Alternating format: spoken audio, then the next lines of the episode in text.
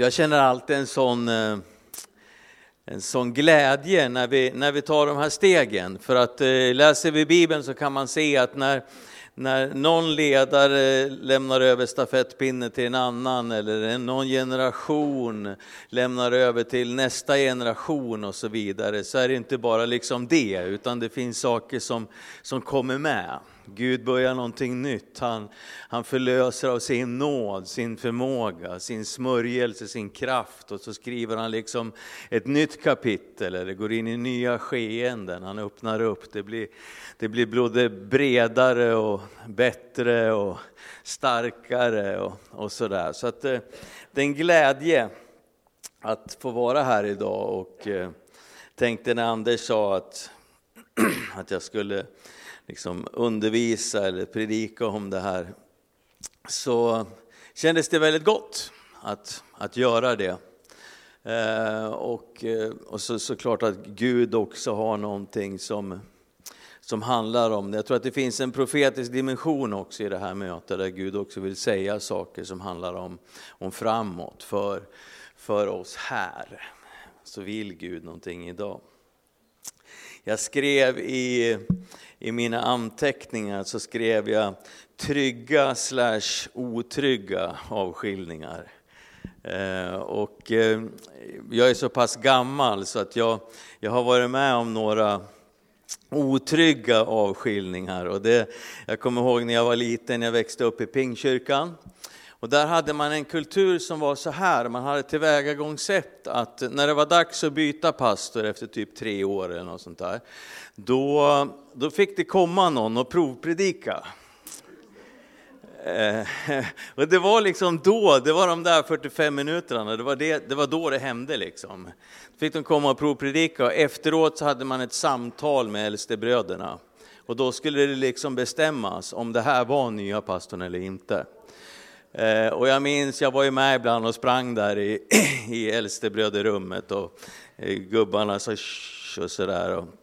Jag kunde liksom känna att det var, det var liksom väldigt viktigt här nu. Det var ungefär som att spela på Lotto. Liksom. Man, man, hade knappt, man kände knappt den här nya pastorn. Man hade hört någonting och så hade man hört en predikan och så skulle, man liksom, så skulle det vara klart där på en gång. Eh, och det för mig, det, det är otrygga det är ett otryggt skifte, en otrygg växling. Det är väldigt mycket chanstagande, det är väldigt lite relation, det är lite av att eh, ha en process där man lämnar över så att saker och ting kan liksom gå från en generation, från en person till en, en annan och att det kan fortsätta. Att man värderar och man tar tillvara på det som har byggts innan och så går man vidare i någonting nytt. Därför så känns det som att eh, det vi ska göra idag, det är en, det är en väldigt trygg avskiljning. Det är inte någon ny snubbe som kommer in och ska provpredika. Utan vi har, vi har redan ett, ett, någonting som är fungerande. Vi har Janne som tog över efter Håkan för många, många år sedan. Jag vill inte tänka på hur många år sedan det är, för då förstår jag hur gammal jag har blivit. Och sen så när Janne hade sin eh, sjukdomstid så, så bad vi för Anders som har varit med här sen eh, längre än vad du och jag knappt har funnits. eh, men så det, det, liksom, det finns någonting som är väldigt tryggt. Det finns någonting som vi känner väldigt väl. Eh, och så får Kristoffer Jorma nu kliva in i det här teamet. Och han är inte heller eh, liksom, eh, ny på det viset. Men, men jag känner att, att det finns någonting i Kristoffer som är lite annorlunda. Eh, det, och, och, det är lite annorlunda med Anders än vad det är med Janne och det är lite annorlunda med Janne än vad det var med Håkan och så vidare. Och det är någonting som är väldigt eh, bra. När jag har bett eh, inför det här och frågat Gud så, så har det kommit många sådana här saker som, som handlar om breddning, förstärkning, föryngring, generationsskifte. Eh, och jag har tro att, att det här är ett skifte som ska innebära att vi, vi får se nya saker ske. att Gud kommer och förlöser av, av, av mer av sin nåd, sin gudomliga förmåga, mer av sin smörjelse. Att han kommer med ny uppenbarelse för en ny tid. Vi får se nya saker. Och att det här är ju inte någonting som bara händer i Anders, och Janne och Kristoffers, utan det här är ju, det är ju vi. Det här är ju alla tillsammans. Gud bygger ju inte sitt hus eh, med tre gubbar, utan han, han, han bygger ju sitt hus med alla, alla er. Så att, eh, och det handlar heller inte bara om dem, men, men lika viktigt som det är att betona att, att vi är många, eh, att, att vi är ett oss, vi är ett vi, det är inte de och vi, utan, utan det är någonting som hör ihop och där vi var och en är levande stenar i det här bygget som, som Gud bygger. Så är det också viktigt med gåvor och tjänster och ansvarsområden och så, så att, så att det funkar. Att det blir som det ska, ska vara och att Gud ger sin nåd till oss alla och han gör det på olika sätt. Så innan vi liksom går in och gör det här och lägger händer på Kristoffer så, så skulle jag vilja tala lite grann över ämnet ledarskap och avskiljning. Och eh, det första som jag känner att jag vill trycka lite grann på det är att eh, det är skillnad eh, på ledarskap i världen och ledarskap i Guds eh, församling. När vi väljer ledarskap i världen, då i Sverige så röstar vi, eller hur? Och så om någon ska liksom, ja, det är vi, det är vi som bestämmer. Det är vi som väljer, det är vi som, som röstar och så ska man liksom försöka få så många som möjligt att tycka att eh, jag som, eh, som politiker är, är den bästa. Men, men i Guds rike och i Guds församling så, så har det ganska lite med oss att göra. Utan det, det är helt och hållet Gud som väljer. Och ibland så förstår vi ingenting och ibland så förstår vi mycket väl och ibland så blir vi förvånade och ibland så känns det precis som om jag skulle ha, ha tänkt. Eh, men det spelar inte så stor roll, utan det som är viktigt för oss att förstå det är att eh, det är Gud som väljer.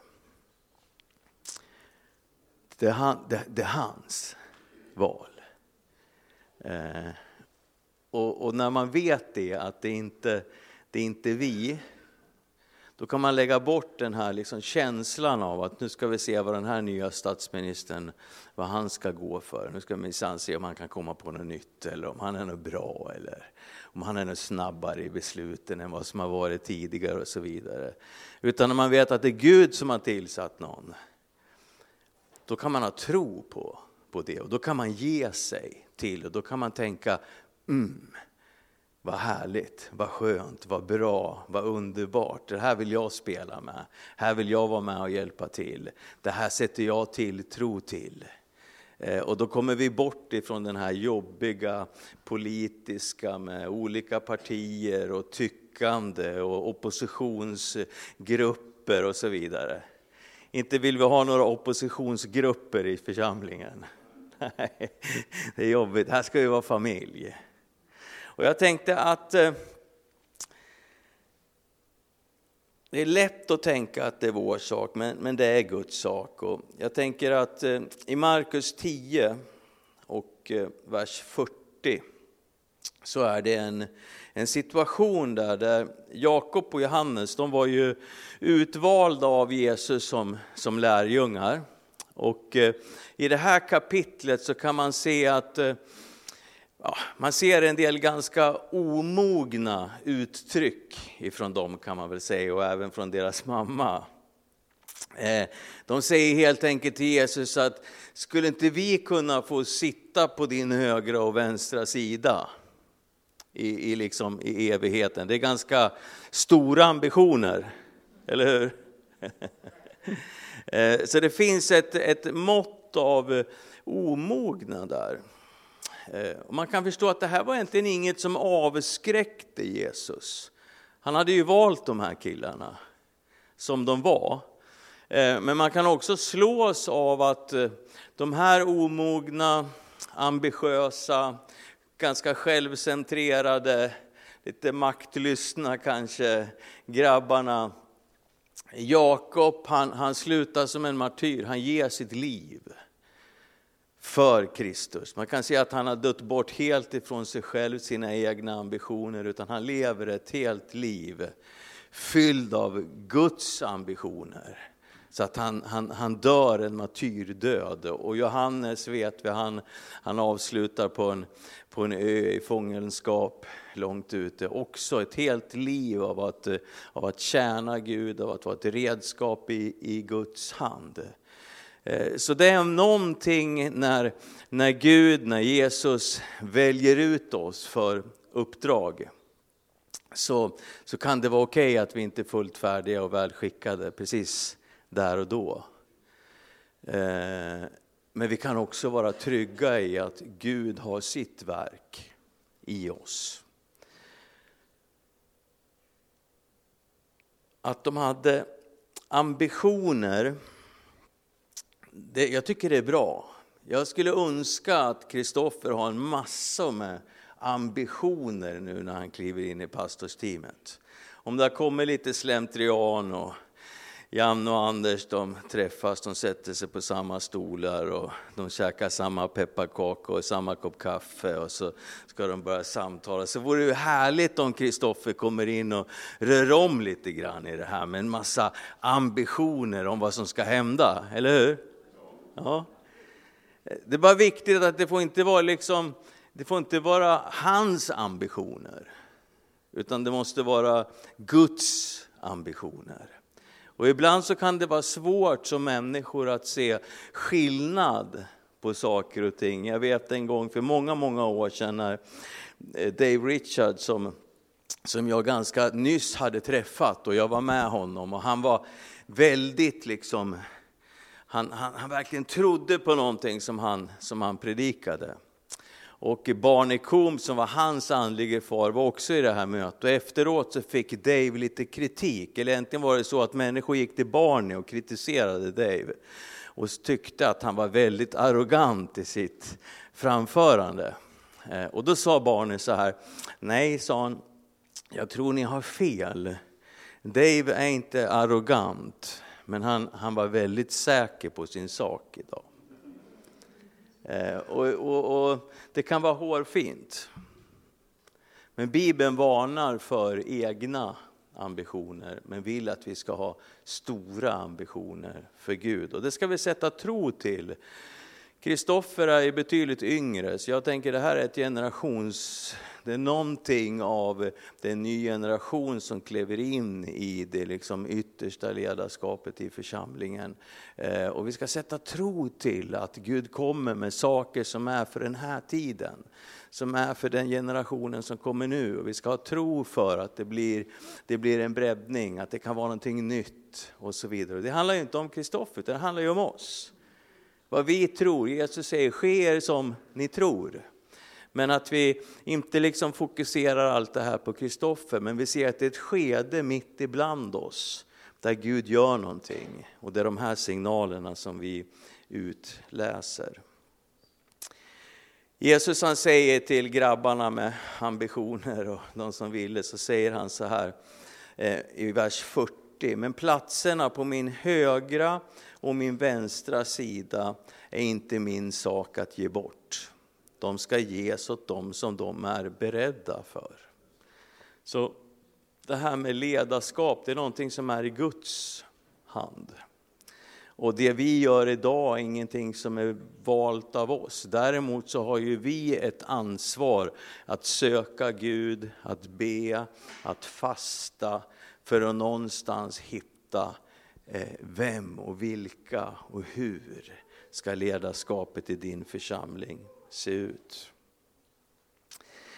Vi skulle ju troligtvis säga att eh, positioner eller platser är för de som har förberett sig.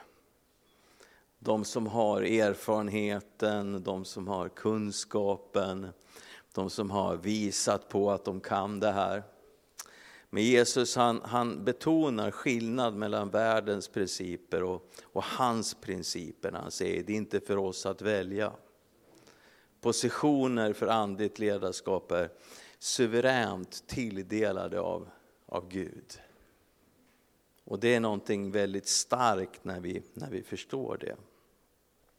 Det är Gud som ger de här platserna till vilka han vill. Och eh, vi får bara glädja oss över eh, att vi får vara med i en familj där, där Gud får göra det. Så att det kan bli rätt. Det är inte teologisk utbildning, det är inte hur vi har lyckats innan. Ja, du var så bra med söndagsskolan så nu får du kliva upp ett steg. Nej, det funkar inte så i Guds rike, utan Gud väljer. Och Gud är också den som ger nåden till oss, förmågan till oss. Och den förmågan kommer med ett nytt uppdrag. Så kommer också förmågan. Jesus säger så här i Johannes 15 och vers 16. Ni har inte utvalt mig, utan jag har utvalt er och bestämt er till att gå och bära frukt och så vidare. Gud väljer, Jesus väljer och han bestämmer om oss att det här ska bli bra. Det här ska bära frukt. Visst är det bra? Så för mig så blir det, uh, vad skönt, vad härligt, vad gott. Att veta att ni tre är utvalda av Gud att leda församlingen Fristaden. Det ger, det ger mod och det ger frimodighet. Både till att leda, men också till att ledas. Att veta att det här, det här är Gud. Det här smakar Gud. Och då får vi ibland eh, släppa vårat eh, liksom, mänskliga tankar och, och så vidare. Och så får man eh, känna efter och så känna, mm, ja vad bra. Så kände jag när Karina kände som hon kände. Först tänkte jag, men äh, här, är, vi, är ju liksom... Men, men sen så får man känna, mm, ja, nej men vad bra. Det är inte jag, det är Gud. Och känner Karina så här, mm, då blir ju det det bästa. Även fast jag hade så gärna sett en tjej i gänget. Men vi har i alla fall tjejer i gänget. Så att Gud vet, och då får vi bara mm, landa och, och känna vad bra, vad bra det är. När man läser Bibeln om ledarskap så är det ju faktiskt så att eh, det är inte så ofta Gud kallar oss för ledare. Han säger inte Abraham min ledare. Utan, utan han använder oftast så, så använder han ordet tjänare. Och det sänder ju också någonting väldigt skönt. Att Gud han, han söker människor som kan vara goda tjänare. Det, det, det är inte att komma överifrån, utan det är att komma underifrån. Och att betjäna, att bygga förtroende. Och utifrån ett förtroende som Gud låter en få, så kan man leda människor. När man säger någonting så, så lyssnar människor. Inte för att det står en någon liksom position på en, på, en, på en bricka eller att man, man har någon speciell hatt eller liksom någon uniform eller så, utan för att det har byggts ett förtroende. Gud har byggt ett förtroende och så vill vi följa. I första Timoteus brev kapitel 3 och 1 så, så står det så här att om någon gärna vill få en församlingsledares tjänst så önskar han sig en god uppgift. Jag tror i 1917 års översättning så tror jag det stod en ärbar uppgift. På 90-talet, eller 80-talet var det, till och med, när jag första gången fick en pastorstitel. Då, då fanns det lite ärbart faktiskt i, i pastor. Det, det klingade lite, lite gott sådär när man, man, man sa ordet pastor. Sen så kom ju allt det här med skriverier och grejer och, och det sjönk lite grann. Och sen så kom det här med Knutby, pastorn. det var då jag började liksom skriva om mina visitkort så här. Då.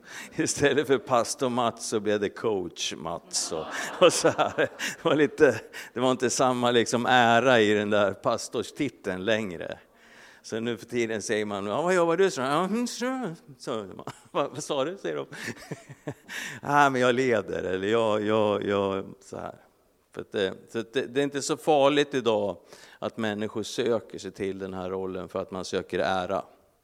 Det är ganska svårt idag eh, att få människor att vilja vara pastorer. 50 procent av Sveriges frikyrkor saknar en pastor. Så det säger någonting. Och eh, det är inte bara hur världen har liksom smutsat ner den här titeln, utan det kan också vara att det finns någonting i vår kultur av att inte vilja bära ansvar. Eh, och så kan det faktiskt vara så att det, att det kan finnas någonting hos oss. Eh, vi som Guds barn är ju de som kan göra att den här rollen blir rolig och och härlig eller jättejobbig och, och tung. Eller hur? Ja. Så det står så här om vi fortsätter och läser. Någon vill bli ledare. Nej, det är, det är inte sånt i Bibeln, det har jag skrivit. Någon vill bli ledare utifrån ärelystnad har jag skrivit. Och det kan vi inte förneka. Och det finns människor som kan söka det här eh, utifrån felaktiga ambitioner och och så vidare. Men eh, min uppgift och ledarskapets uppgift är ju att söka Gud för att det blir som han, som han vill.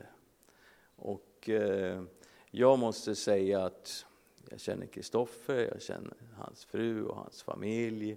Eh, och framförallt så har jag bett otroligt mycket för Jag har gjort min läxa, jag har fastat och jag har bett och eh, det vi gör idag såg jag ganska tidigt, men då var det nog inte läge att säga det.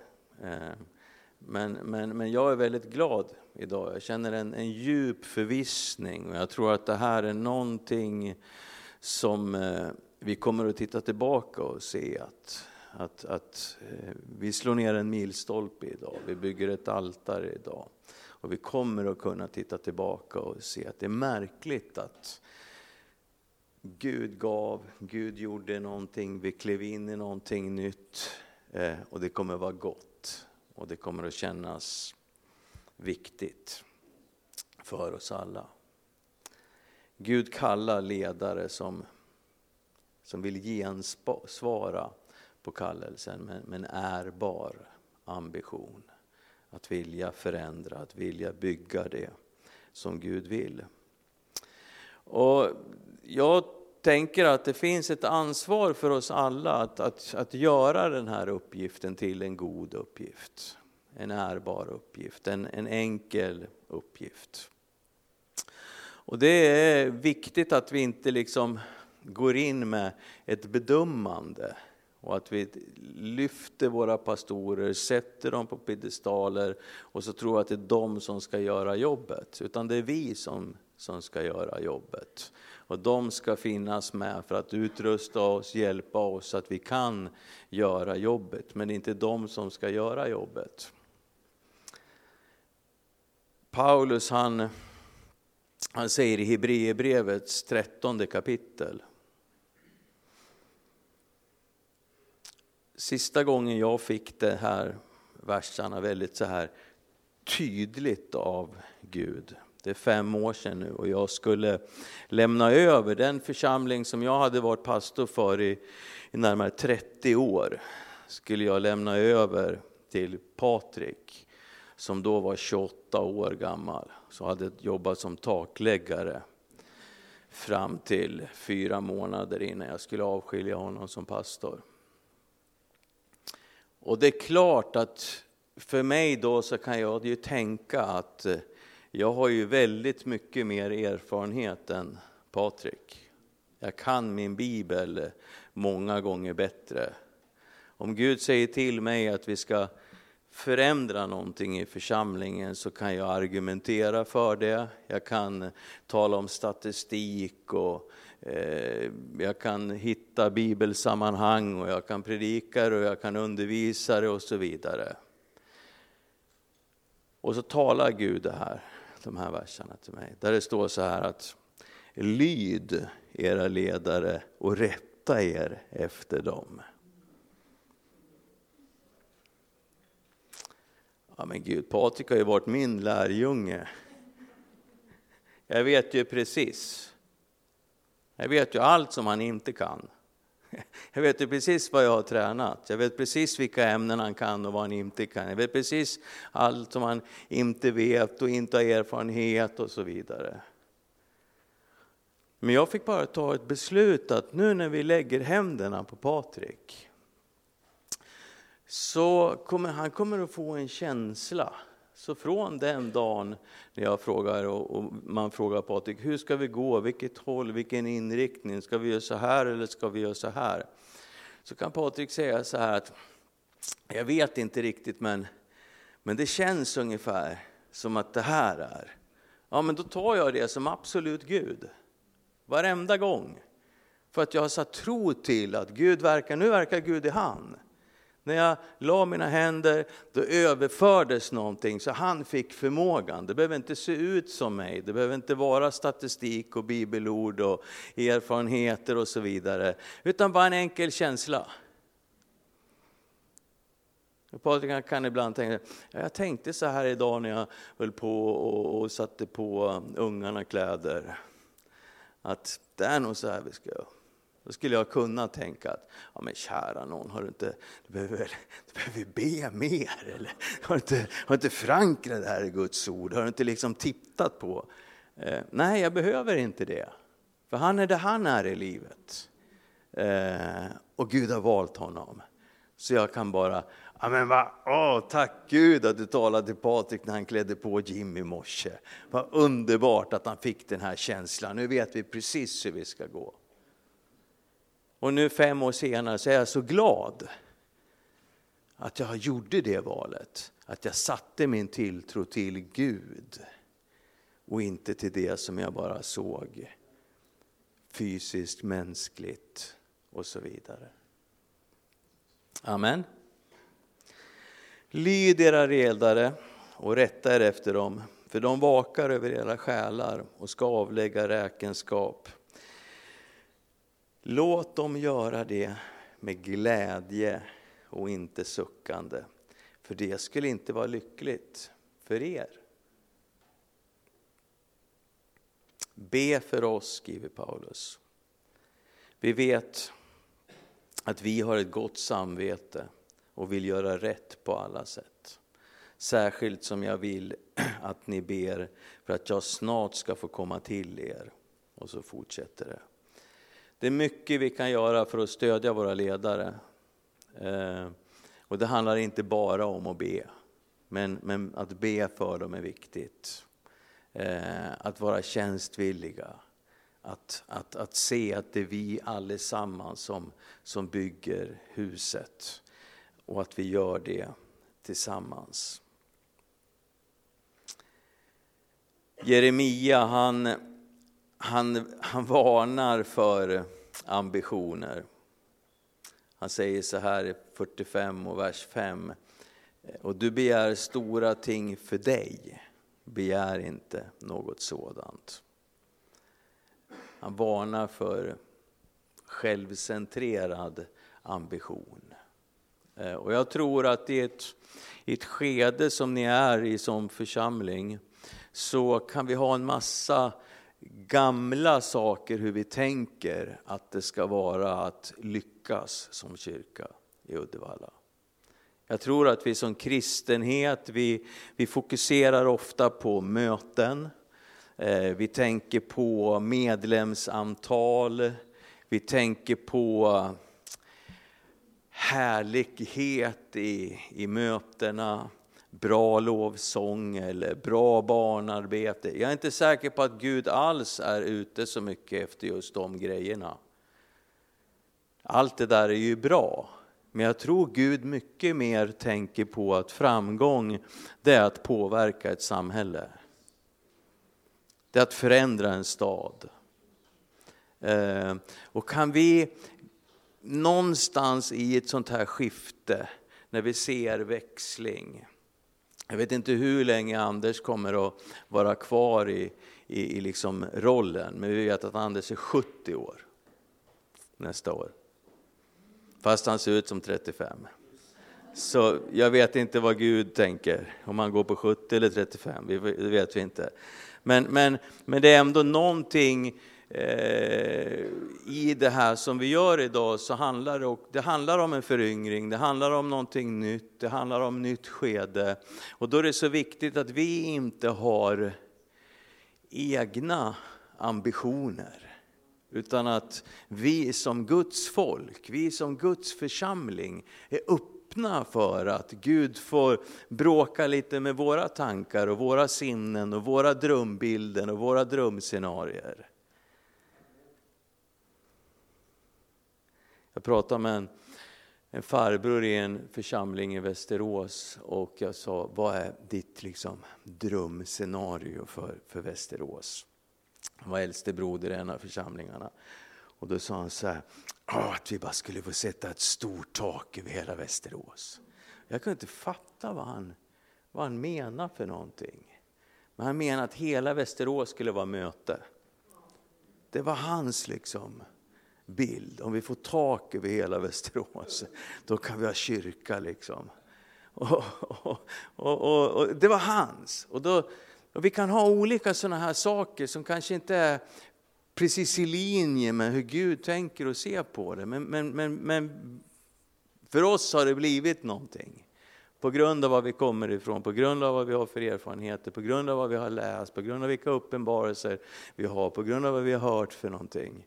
Men i ett nytt skeende så tror jag att Gud vill öppna upp för nya drömmar, nya visioner, nya ärbara ambitioner som kyrka som kan ge oss, ge oss passion, att vilja vara med, vilja ge, vilja liksom dra vårt strå till stacken för att det här som Gud har visat ska bli.